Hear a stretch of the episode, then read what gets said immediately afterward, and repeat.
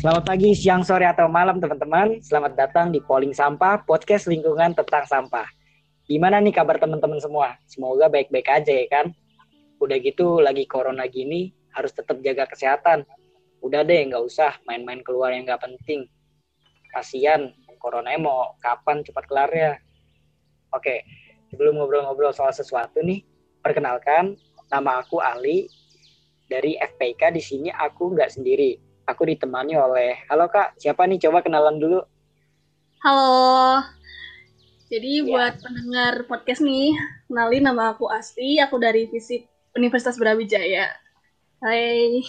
Oke salam kenal kak. Oh iya di sini kita nggak sendiri ada temen satu lagi sebagai operator namanya Tama. Coba mana suaranya Tam? Tes dulu dong biar masuk.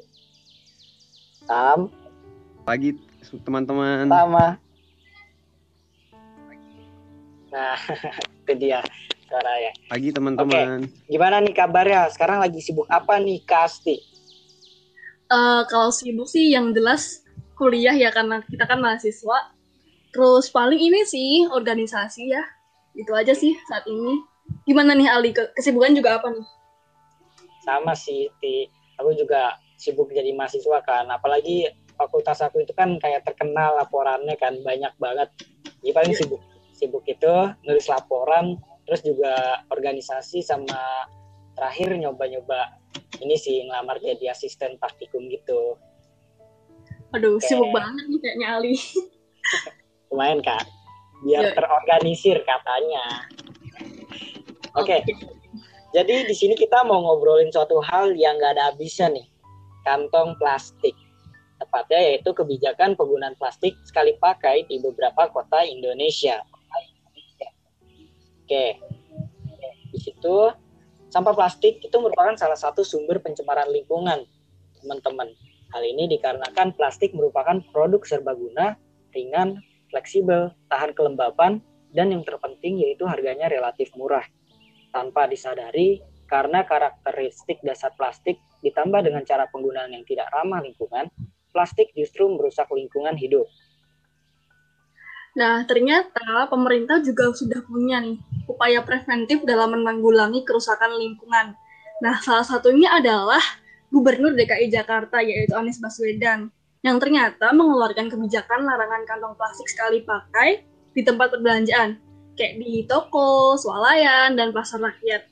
E, kebijakan ini mulai diatur saat 1 Juli 2020 tapi meskipun sudah disahkan nih, ternyata aturan yang tertuang dalam Pergub nomor 142 tahun 2019 tentang kewajiban penggunaan kantong belanja ramah lingkungan ini ternyata memunculkan pro dan kontra nih. DKI Jakarta sendiri juga bukan kawasan pertama loh ternyata dalam menerapkan kebijakan tentang larangan penggunaan plastik. Beberapa kota sebelumnya ternyata sudah melakukan kebijakan ini nih. Misalnya, Kota Semarang, Provinsi Bali, kota dan kabupaten Bogor dan Banjarmasin. Itu ta. Hmm, oke. Oke, Jakarta juga merupakan pusat peradaban ya atau dapat dibilang kiblatnya Indonesia adalah Jakarta. Secara tidak langsung daerah atau kota di luar Jakarta cepat atau lambat akan mengikuti jejak ibu kota negaranya. Maka dari itu, apakah kebijakan plastik sekali pakai ini sudah cocok untuk diterapkan di Indonesia? Gimana nih di kotamu? Sih. Oke, tadi sama-sama kita udah tahu nih ngebahas tentang mau ngapain sih kita di podcast. Kemudian kita masuk ke intinya nih. Menurut Kasti, kebijakan ini penting nggak sih? Gimana kalau kebijakan ini dibuat dan diterapkan? Setuju apa enggak kira-kira? Uh, kalau menurut aku ya, dari sisi lingkungan jelas banget nih aku setuju. Apalagi kan plastik tuh susah banget diuraikan kan? Dan kalau hmm. numpuk nih bisa jadi bahaya buat di bumi ini sendiri. Sedangkan manusia ini kan yang tinggal di bumi nih. Ya. otomatis bisa ngerugiin kita juga dong gitu. Hmm. Ali gimana nih? Ya aku juga sama sih kak. Setuju. Kalau oke okay, emang kalau ngomongin plastik itu juga nggak pernah ada habisnya ya sama kayak yang tadi sebelumnya dijelasin. Plastik juga sering memberikan dampak yang negatif gitu baik dari segi lingkungan maupun juga kesehatan Nah, hal ini juga yang menjadi latar belakang kebijakan ini dibuat. Itu sih, Kak. bener banget. Hmm. Terus misal kebijakan ini diterapkan di lingkungan kampus, gimana dan harus seperti apa kira-kira? Uh, kalau aku sih sendiri setuju banget nih, misal kebijakan ini diterapkan di kampus. Karena menurut aku ya, mahasiswa tuh walaupun uh, dikenalnya sebagai seseorang yang terpelajar nih, masih banyak nih yang kurang uh, edukasi soal plastik sendiri. Mereka masih kayak nggak peduli gitu loh kalau ada sampah plastik gitu.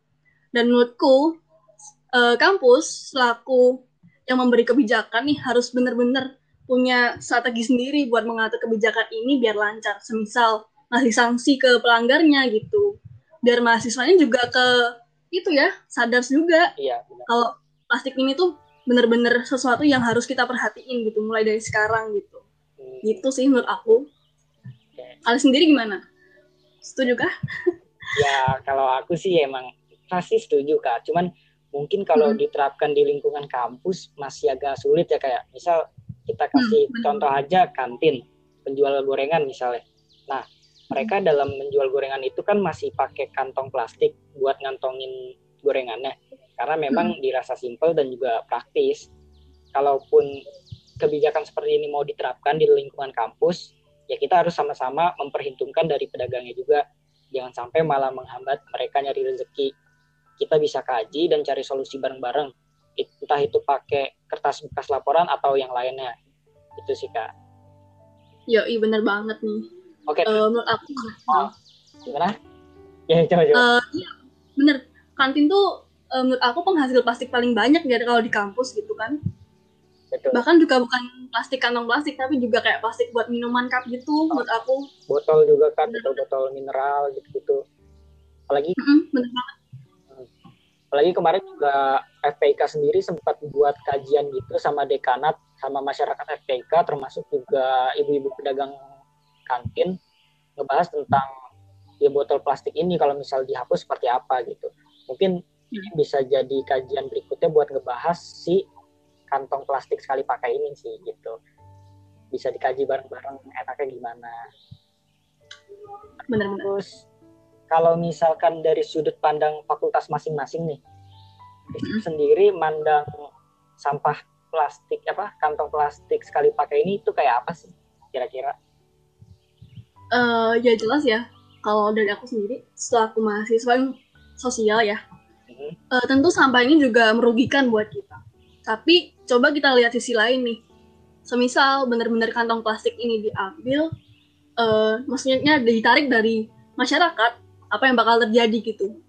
Menurut aku nih, uh, semisal benar-benar diambil kantong plastik ini nggak boleh digunakan di masyarakat bisa memicu nih banyak masyarakat kehilangan pekerjaannya. Hmm. Misal industri-industri kecil, UMKM, mereka kan paling banyak tuh menggunakan kantong plastik dan mungkin itu banyak yang bakal merugikan mereka sih menurut aku gitu. Ya. Jadi kalau dari perspektif sosial aku melihatnya seperti itu gitu. Emang sedikit pro kontra ya ini kalau ngomongin plastik nih gitu hmm iya iya benar-benar emang susah juga sih kita juga terbiasa hidup sama plastik ini kalau buat hindarin sekaligus gitu juga rasanya sulit tapi mungkin bisa pelan-pelan ya kayak bener bang kemudian kalau dari sudut perikanan sendiri sih sampah plastik ini tuh kan memiliki hubungan keterkaitan kayak hmm. selain plastik menjadi penyebab masalah lingkungan karena karakteristik yang sulit terurai seperti yang sama-sama kita tahu bahwasannya sampah plastik ini tuh mengandung mikroplastik gitu yang berbahaya bagi kesehatan manusia dan juga biota air. Nah, mikroplastik ini kalau sampai dimakan ikan dan kemudian ikan yang kita makan itu dapat menimbulkan masalah yang serius gitu. Kayak beberapa sumber nyebutin mulai dari mengganggu sistem saraf, mengganggu keseimbangan hormon dan masih banyak masalah kesehatan yang lainnya ada pokoknya. Gitu. Kayak, Ngeri juga ya kalau misalnya kita makan ikan nih, otomatis plastiknya masuk ke dalam tubuh kita dong. Mm -mm. Jadi kayak otomatis kita sebagai end usernya tuh juga ikut ini juga kena dampaknya juga dari kita hmm. untuk kita juga intinya kan gitu. Nah, kemudian apa sih yang perlu dilakukan pemerintah terkait kebijakan ini? Uh, menurut aku ya, uh, setelah ada kebijakan ini, pemerintah nih perlu adanya evaluasi juga soal kebijakan ini gitu apa sih yang kurang dari kebijakan ini? Mana sih ada yang dirugikan apa enggak gitu banyak yang rugi atau banyak yang untung gitu jadi setidaknya pemerintah juga harus melakukan evaluasi kebijakan. Selain itu menurut aku pemerintah tuh jangan cuman kasih ini kebijakan harus kalian taati gitu. Tapi coba deh pemerintah cari solusinya gitu kan. Nggak cuman kayak udah jangan pakai plastik gitu. Tapi nggak ada penggantinya nih. Apa pengganti plastik nih gitu. Sebenarnya yang tunggu masyarakat tuh itu sebenarnya. Cuman bilang jangan pakai plastik tapi nggak ada gantinya gitu. Karena kita juga bingung kan masyarakat awam nih kalau nggak pakai plastik pakai apa ya gitu kan. Gitu sih.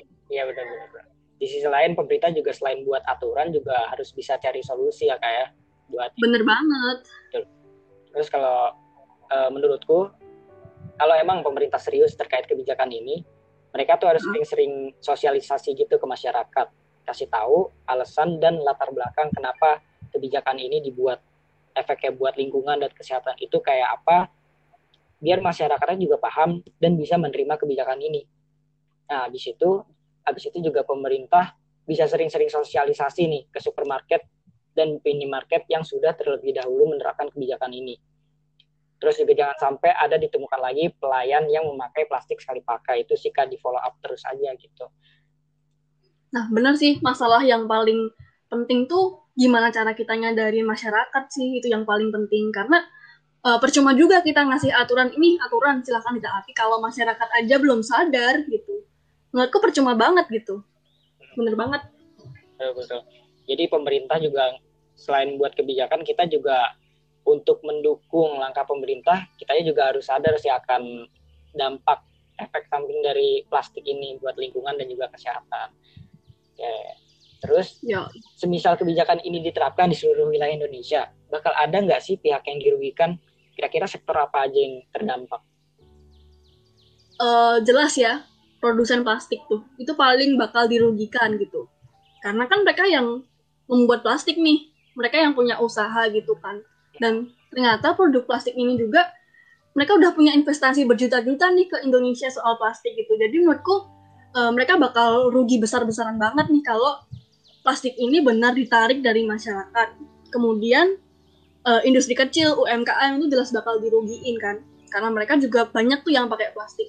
Semisal nih plastik diganti sama produk lain kayak tote bag misal, tote bag kan harganya lebih mahal ya, ya. dan pasti uh, para pedagang atau industri kecil kayak pedagang gitu mikirnya kan modal dikit untung banyak kan gitu iya. nah semisal ditambahin tote bag nih bakal mikir-mikir lagi usaha gue bakal jalan nggak nih kalau ditambah pakai tote bag lebih mahal gitu kan jadi pasti mereka banyak nih yang kayak mikir apa udah stop aja usaha kayak ini gitu. Daripada keluar modal lebih banyak lagi gitu. Hmm, iya iya benar benar benar benar. Itu juga UMKM para pedagang juga mikir kan aduh kalau misal plastik diganti sama tote bag ini bakal butuh biaya lebih nih gitu. Sedangkan modal yang dikeluarin aja udah banyak banget pasti pertimbangan-pertimbangan itu ada. Terus aku juga mau nambahin sih uh, dari sisi masyarakat ya juga harus paham sih kalau mau beli-beli apa jajanan gitu. Misal kayak kalau mau beli bubur nih. Nah itu nggak usah dikantongin plastik bawa kantong ramah lingkungan dari rumah. Terus sendok plastiknya juga nggak usah minta deh pakai yang di rumah aja gitu sih. Bener banget. Dan aku mau nambahin nih jadi aku baca artikel kan di Amerika Serikat itu banyak banget negara bagian yang udah pakai kebijakan ini gitu. Dan ternyata setelah dua tahun jalan itu eh, banyak kerugian di alam masyarakat tuh. Coba. Jadi kayak tadi yang aku ngomongin kalau misal plastik ditarik banyak banget masyarakat yang uh, nambah modal lah ini itu kan dan ternyata bener masyarakat itu nambah pengeluaran nih soal itu gitu. Jadi banyak yang beli tote bag yang harganya lebih mahal jadinya otomatis pengeluaran masyarakat ini tambah banyak gitu. Itu yang aku dapat dari kebijakan yang udah dilakukan oleh negara lain sih jadi perlu banget nih pemerintah mengkaji bener apa yang bakal diganti dari kebijakan ini atau plastik ini bakal diganti apa yang ternyata juga lebih efisien sama gitu sama plastik. Itu sih yang perlu diperhatikan banget. Iya benar-benar pemerintah juga harus apa jadiin negara-negara maju sebagai contoh juga ya untuk solusi plastik sekali pakai ini. Yep, sebagai bahan evaluasi itu oke selanjutnya apa nih nah aku pengen tanya gantian nih sama Ali gitu boleh boleh boleh um, menurut kamu nih kira-kira dampak yang bakal kita rasain nih kalau kebijakan ini dilakukan gitu secara jangka panjang. Kira-kira bakal ada efek panjang apa sih gitu yang merugikan kita gitu? Mungkin kalau merugikan pasti ada. Cuman kalau pertanyaannya bakal ada dampak efek ya enggak nggak cuma merugikan. Menurut aku ada dua. Itu yang pertama efek ke pelaku usahanya, pedagang, dan juga efek bagi kesehatan serta lingkungan. Nah, dalam hal ini kita prioritasin yang mana nih? Tentunya kan kesehatan dan lingkungan dong. Kita sebagai manusia juga nggak boleh ya nggak boleh egois buat tetap pakai plastik terus-terusan. Mulailah mengurangi gitu. Itu sih menurut aku. Setuju banget, setuju. Plastik gimana, Ti? Mandangnya? Em, gini, jadi menurut aku juga sama sih ada dua hal gitu yang harus disoroti. Dari lingkungan jelas, nanti tuh eh, sampah plastik di bumi ini semakin berkurang ya, dan itu bawa manfaat di kita gitu. Sedangkan yang kedua adalah dari segi industri usaha nih. Mereka yang pakai plastik pun juga pasti bingung mau ganti pakai apa dan modal mungkin bisa lebih banyak lagi. Tapi ini ada satu hal lagi yang aku sorotin lagi nih. Semisal plastik diganti sama bahan lain, apakah bahan lain itu jadi- nanti bisa jadi sampah juga gitu. Karena aku juga baca berita nih di Amerika juga kan yang udah pakai kebijakan itu, ternyata setelah dua tahun dipakai kebijakan itu, sampahnya bukan plastik lagi nih. Sampahnya tuh tote bag malahan. Nah itu yang jadi masalah nih, semisal walaupun diganti pun kalau bahan pengganti ini dibuang lagi kayak plastik ya sama aja dong gitu. Jadi menurut aku masyarakat ini bener-bener harus tahu nih mana pengganti plastik tuh. Buat nggantiin plastik yang jadi sampah harusnya dijaga benar gitu. Jangan sampai tote bag yang buat pengganti sampah juga jadi sampah lagi gitu. Hmm, iya, itu sih menurut aku yang harus masyarakat tanamkan dari sekarang sih. Iya, iya benar-benar setuju. Juga pemerintah juga harus menyiapin. Berarti kalau muncul sampah baru harus ini juga ya pengelolaan terhadap sampah plastik dan tote bag-nya juga harus di ini juga diperhatikan juga ya kayak. bener gitu Oke, oke, oke. bener banget Terus nah tadi kan efek panjang ya Hmm. nah sekarang kan masa pandemi banyak yang di rumah gitu tapi menurutmu sampah plastik tuh makin banyak nggak sih Ali berdasar dari sumber yang saya baca sih emang emang terjadi kenaikan ya pada penggunaan plastik. Soalnya kan di rumah orang-orang pada karantina work from home gitu. Menyebabkan juga tingkat belanja online dan pengiriman pengiriman makanan bertambah. Jadi itu sih plastik jadi ikut nambah juga. Menurutku gitu. Nah, bener banget. Eh, aku buat yang pribadi nih, jarang belanja online juga nggak salah aja sih. Kayak teman-temanku jadi sering GoFoodan gitu kan, nge- apa beli makanan secara delivery, terus belanja online itu plastik tambah banyak ya, gitu kan. Tapi ini aku pribadi ya, kalau aku eh, punya banyak plastik nih, aku simpen sih Ali, gitu. Aku simpen lagi, terus nanti aku pakai lagi, nggak aku buang gitu. Dilipetin gitu lah, biar Oh. lebih efisien gitu. Iya, iya, sama Itu sama. juga nggak? Sama-sama. Sama kan? Setuju, setuju. Entah itu plastiknya buat kayak tempat sampah ataupun yang lainnya, aku juga nyimpen sih. Benar-benar. Ya jadi kayak abis beli sesuatu nih kan sebenarnya kan kita nggak minta ya. Cuman Ah. kadang kalau orang ngasih sesuatu kan pakai plastik. Aduh, plastik lagi nih gitu. Ya udah aku lipetin segitiga gitu. Terus aku simpen lagi Iya benar. gitu. Ya aku juga gitu sih. Sama orang-orang rumah juga gitu kok. Berarti sama nih, cocok. Sama-sama. Cocok kita. Oke. Kemudian nih, tadi kan udah ngomongin plastik-plastik nih. Kira-kira ada nggak sih solusi buat gantiin plastik gitu? Yang sekaligus buat yang udah terlanjur kebuang nih. Menurutmu ada nggak? Ada dong. Yang jelas pakai apa pun yang tidak terbuat dari bahan plastik tentunya. Ntar bisa, Mm-mm. bisa pakai kantong ramah lingkungan yang terbuat dari kain atau kayak anyaman bambu gitu. Yang kayak tas-tas paut-paut gitu tuh. Mama ke Oh, pasar, iya tuh. ya kan? Mm. Itu bisa lebih awet malah.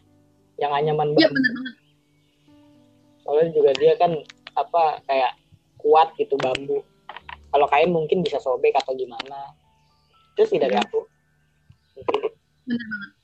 Dan aku juga ini sih nyorotin beberapa online shop ya. Mereka tuh udah mulai jarang banget pakai hmm, bubble wrap gitu udah jarang banget sih. Udah mulai banyak kemajuan nih dari online shop. Oh iya benar. Jadi aku aku lihat-lihat tuh mereka udah pakai itu loh box dari kardus tau nggak sih?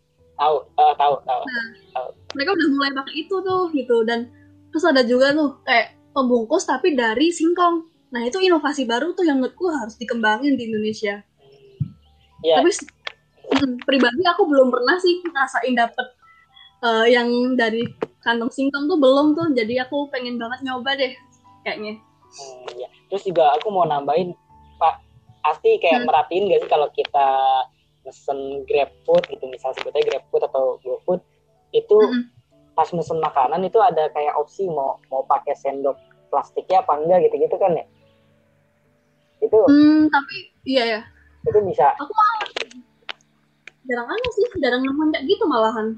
Ali sering nemuin kah? Ada sih ada ada beberapa ada opsinya gitu. Jadi hmm. ini bisa jadi langkah mengurangi plastik juga sih. Ya mungkin mungkin nggak nggak nggak ini yang nggak nggak hubungannya ke kantong plastik itu nggak ada tapi kan masih sama-sama plastik gitu. Plastik. bener banget kalau aku secara pribadi jarang banget sih nemuin uh, tempat makan yang nyediain opsi kayak gitu gitu dan hasil nih aku pribadi yang kayak nulis di notes gitu uh, mas nggak usah pakai sedotan nggak usah pakai sendok plastik gitu sih Oke nih, aku mau lanjut nih. Uh, kita kan nih mahasiswa ya. Ali mahasiswa, aku juga mahasiswa. Kira-kira apa sih yang bisa kita lakuin gitu buat membantu masyarakat biar sadar soal isu sampah ini, terutama sampah plastik nih. Kira-kira apa tuh? Oke, kalau dari aku sendiri sebagai mahasiswa sekaligus sebagai mahasiswa sekaligus orang biasa, kita bisa memulai dari hal kecil pada diri sendiri. Kasih contoh buat teman-teman, keluarga, serta semua orang-orang kalau ke mana-mana ketika belanja bawa dan pakai kantong ramah lingkungan. Habis itu kita bisa kasih pemahaman betapa pentingnya kalau ramah lingkungan ini, betapa pentingnya kantong ramah lingkungan ini gitu sih. Mulai dari diri sendiri, habis itu orang-orang ngeliat apa apa yang kita lakukan gitu. Kalau sesuatu yang baik pasti dicontoh buat orang kok gitu. Mulai dari diri Bener sendiri banget. gitu. Kalau dari Kasti gimana? Kira-kira. Ya sama, jadi uh, kalau sebisa mungkin sih dari aku sendiri nih. Jadi aku udah pernah ngerasain kan. Dulu awal semester 1 tuh aku ngekos tuh bareng teman satu kamar kan. Hmm. Dan kebiasaan aku nih kalau dapet plastik tuh, itu aku lipetin kayak tadi yang ngomongin kan. Hmm. Nah, lama-lama dia ngikutin aku dong. Dia kalau dapet plastik dilipetin juga tuh. Padahal awalnya dia kayak udah dibuang aja gitu kan. Terus aku liatin, oh nih anak ngikutin gua ya gitu. Oh berarti bener-bener ngefek sih kalau kita uh, mulai diterapin diri sendiri terus orang-orang lihat tuh bakal ke distract juga sebenarnya kok hmm. gitu benar bakal terpengaruh juga jadi bu mm-hmm. bukan cuman omongan-omongan aja sih dari diri kita sendiri juga harus ngelakuin aksinya juga gitu kan ya kan bener jadi percuma kalau ngomong uh, ngasih kampanye lah ini itulah kayak gak usah pakai plastik ini ini gitu. Tapi kalau kitanya aja nggak ngelakuin juga sama aja dong. Justru masyarakat tuh butuh bukti nyata sih bukan omong doang gitu li. Iya. Oke. Terus juga beberapa waktu lalu juga uh, kita juga udah coba buat tanya-tanya teman kita soal tanggapan mereka tentang kebijakan penggunaan plastik sekali pakai ini. Nah ini ada beberapa nih dari teman-teman FPIK dari Fatma Prodi THP dia setuju dengan adanya larangan penggunaan plastik sekali pakai. Sampah tersebut tidak hanya memberikan pengaruh terhadap lingkungan tapi juga memberikan pengaruh terhadap kesehatan. Terus juga ada dari Muhammad Dafa, PSP, asalnya dari Madiun. Menurut dia, kebijakan larangan kantong plastik sekali pakai sangat setuju, karena apabila dihubungkan dengan sumber daya hayati laut, plastik sekali plastik sangat berpotensi mencemari ekosistem laut yang dapat merugikan bagi penduduk bumi. Akan tetapi kebijakan tersebut butuh proses dahulu untuk dapat untuk dapat sampai dan diterima masyarakat yang sangat tergantung pada plastik sekali, sekali pakai. Kemudian dari BP Mbak Ava asal Lampung dia setuju juga untuk mengurangi pemakaian plastik sekali pakai. Ya kita tahu sendiri Indonesia termasuk salah satu negara yang menyumbang sampah plastik terbanyak. Di Indonesia sendiri juga untuk masalah teknologi daur ulang plastik masih belum maju. Jadi semakin lama pengelolaan plastik semakin menjadi masalah. Oke, terus yang terakhir juga ada pro dan kontra. Setuju karena ya tahu sendirilah sampah plastik itu permasalahan yang tidak pernah selesai dan dengan menerapkan kebijakan plastik sekali pakai dapat mengurangi menumpuknya sampah plastik dan saya kurang setuju karena kebijakan tersebut akan berdampak pada pelaku UMKM di bidang makanan, di mana mereka sangat membutuhkan plastik sebagai kemasan produk mereka. Nah, tadi udah sama-sama kita dengar tanggapan dari teman-teman FPIK terkait kebijakan ini. Ya, memang hmm. ada pro dan pertimbangan lain, namun mayoritas memang mendukung sekali kebijakan ini untuk tetap dilanjutkan. Dari teman-teman hmm. Yang lain nih gimana Kak Asti? Uh, jadi ya sama kayak FPIK, jadi visi tuh sempat ngadain kan jejak pendapat kebijakan plastik sekali pakai ini kalau diterapkan di masyarakat gitu. Dan emang mayoritas mereka setuju sih gitu. Tapi ada beberapa pertimbangan yang harus diperhatikan. Misal kayak yang di uh, omongin Rahmat Hidayat nih. Dia setuju dengan kebijakan ini. Tapi menurutnya dengan berkurang sampah plastik di kota besar yang notabene kebijakan itu ada di kota metropolitan yang sangat konsumtif bisa cukup berdampak walaupun tidak terlalu besar. Jadi menurut Kak Rahmat ini nih, kebijakan ini tuh sebenarnya cuma ngerem doang gitu. Cuma ngerem doang biar sampah ini nggak banyak, nggak sampai membludak yang bikin uh, kayak bencana alam gitu kan. Di bentar oh di tempat sampah itu kan bisa ada tuh gas apa namanya gas metana ya? Mm. kalau sampah ini sampah ini sampai membludak gitu kan dan itu bisa bahaya banget gitu kalau semisal terjadi kan. Iya. dan bener ini tuh kebijakan cuman kayak ngerem doang gitu. Dan nggak bisa munafik juga sih. Kita tuh susah gitu buat hidup tanpa sampah gitu. Dan masyarakat fisik ini juga setuju semisal kebijakan ini tuh diterapkan di fisik gitu. Karena memang bukan lingkungan luas aja yang butuh kebijakan ini tapi lingkungan kampus juga harus butuh gitu karena kan tempat belajar kita ya otomatis kalau tempat belajar harus nyaman mungkin sih gitu oke sebelum kita tutup nih kak pengen aku pengen nanya kakak punya pengalaman gitu gak sih setelah kebijakan ini diterapkan di kota kakak kakak asalnya dari mana kak? Uh, aku dari Solo, halo gitu. Oh iya dari Solo. Eh, kalau di Solo uh. sendiri kebijakannya kayak apa kak? Udah diterapin atau gimana? Coba bisa dijelasin mungkin. Uh, di Solo sendiri ya aku coba cari tuh kayak nggak ada kebijakan yang mengatur sih. Cuman uh, beberapa kali aku ke minimarket, ke retail gitu, sering tuh kayak ditawarin gitu kan. Kak kalau pakai plastik tambah uang nih gitu. Terus ya udah nggak usah pakai plastik aja gitu kan. Karena menurut aku kan walaupun 200 200 perak tuh kalau belanja banyak-banyak kan juga banyak juga tuh yang dikeluarin kan. Hmm. Jadi menurut aku sih nggak usah pakai plastik juga, yang mending bawa tote bag sendiri atau bawa tas gitu sih. Kalau belanja hmm. itu sih yang paling aku rasain gitu. Kalau beli harus nambah uang nih buat beli plastik. Jadi cara kasarnya sih kita nggak beli belanjaan doang, tapi juga beli plastik gitu. Beli plastik yang bisa ngancam diri kita juga nih malahan gitu. Iya iya. Jadi ruginya malah dua kali gitu ya kayak rugi uang. Bener banget. Rugi kesehatan. Uh -uh. Oke. Okay. Nah kalau aku gimana nih? Iya sama sih.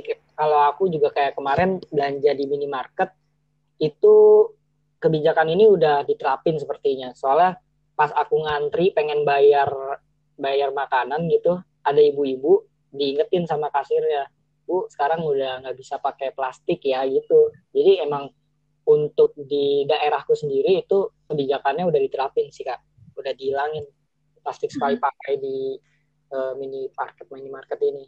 Gitu. Oh, berarti bagus dong udah ada progres dari pemerintah setidaknya kan gitu. Tinggal aku berapa? hmm. yang penting di follow up lagi aja sih supaya ke depannya tetap konsisten buat uh, melarang plastik sekali pakai ini. Gitu. Bener banget. Jadi nggak cuma ngomong doang ya gitu. Melarang ini itu tapi nggak ada realisasinya gitu aku berharap juga sih pemerintah di daerah rumahku udah mulai tanggap soal masalah ini gitu. Bukan karena uh, daerah tempat tinggal aku nggak segede di Jakarta bukan berarti nggak perlu ada kebijakan ini gitu. Menurutku semua wilayah perlu kok ada kebijakan ini gitu. Ya benar-benar. Ya semoga aja kota-kota di Indonesia bisa apa ya bisa nyontoh Jakarta untuk larangan uh, untuk kebijakan penggunaan plastik sekali pakai ini. Nah kita hampir sampai di penghujung diskusi nih sebelumnya aku pengen ngasih kesimpulan sedikit apa yang kita dapat dari diskusi hari ini bahwasannya kebijakan penggunaan plastik sekali pakai ini memang tujuannya baik ya teman-teman supaya kesehatan lingkungan juga bisa tetap terjaga tentunya. Bagaimanapun kita adalah bagian dari lingkungan dan kita hidup di dalamnya. Kita harus tetap jaga lingkungan agar kita bisa tetap terus-terus bersahabat sama lingkungan. Sebelum podcast ini berakhir, ada nggak sih yang pengen disampaikan buat pendengar, Kak Asti? Uh, buat pendengar podcast lingkungan nih, aku pengen berapa aja sih. Uh, nggak perlu kalian nyuruh-nyuruh orang lain buat nggak usah pakai plastik, nggak usah pakai ini, nggak usah itu kan. Coba deh dari kalian dulu gitu, gimana? Kalian udah udah menerapkan itu nggak sih di kehidupan nyata gitu karena percaya deh langkah-langkah besar itu dimulai dari langkah-langkah kecil yaitu dari kita sendiri gitu. Kalau bukan kita siapa lagi sih? Gitu. Itu sih yang pengen aku sampaikan buat para pendengar nih.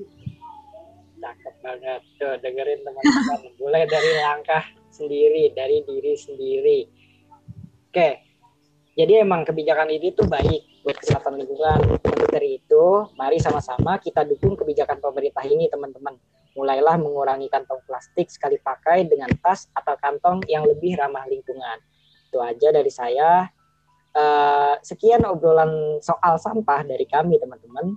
Semoga bisa bermanfaat. Terima kasih, tetap jaga kesehatan. Sampai jumpa di polling sampah berikutnya. Dadah, terima kasih Kak Sama-sama Ali, terima kasih juga udah ngundang. Ya, sama-sama. Tetap jaga kesehatan ya semua. Yogi.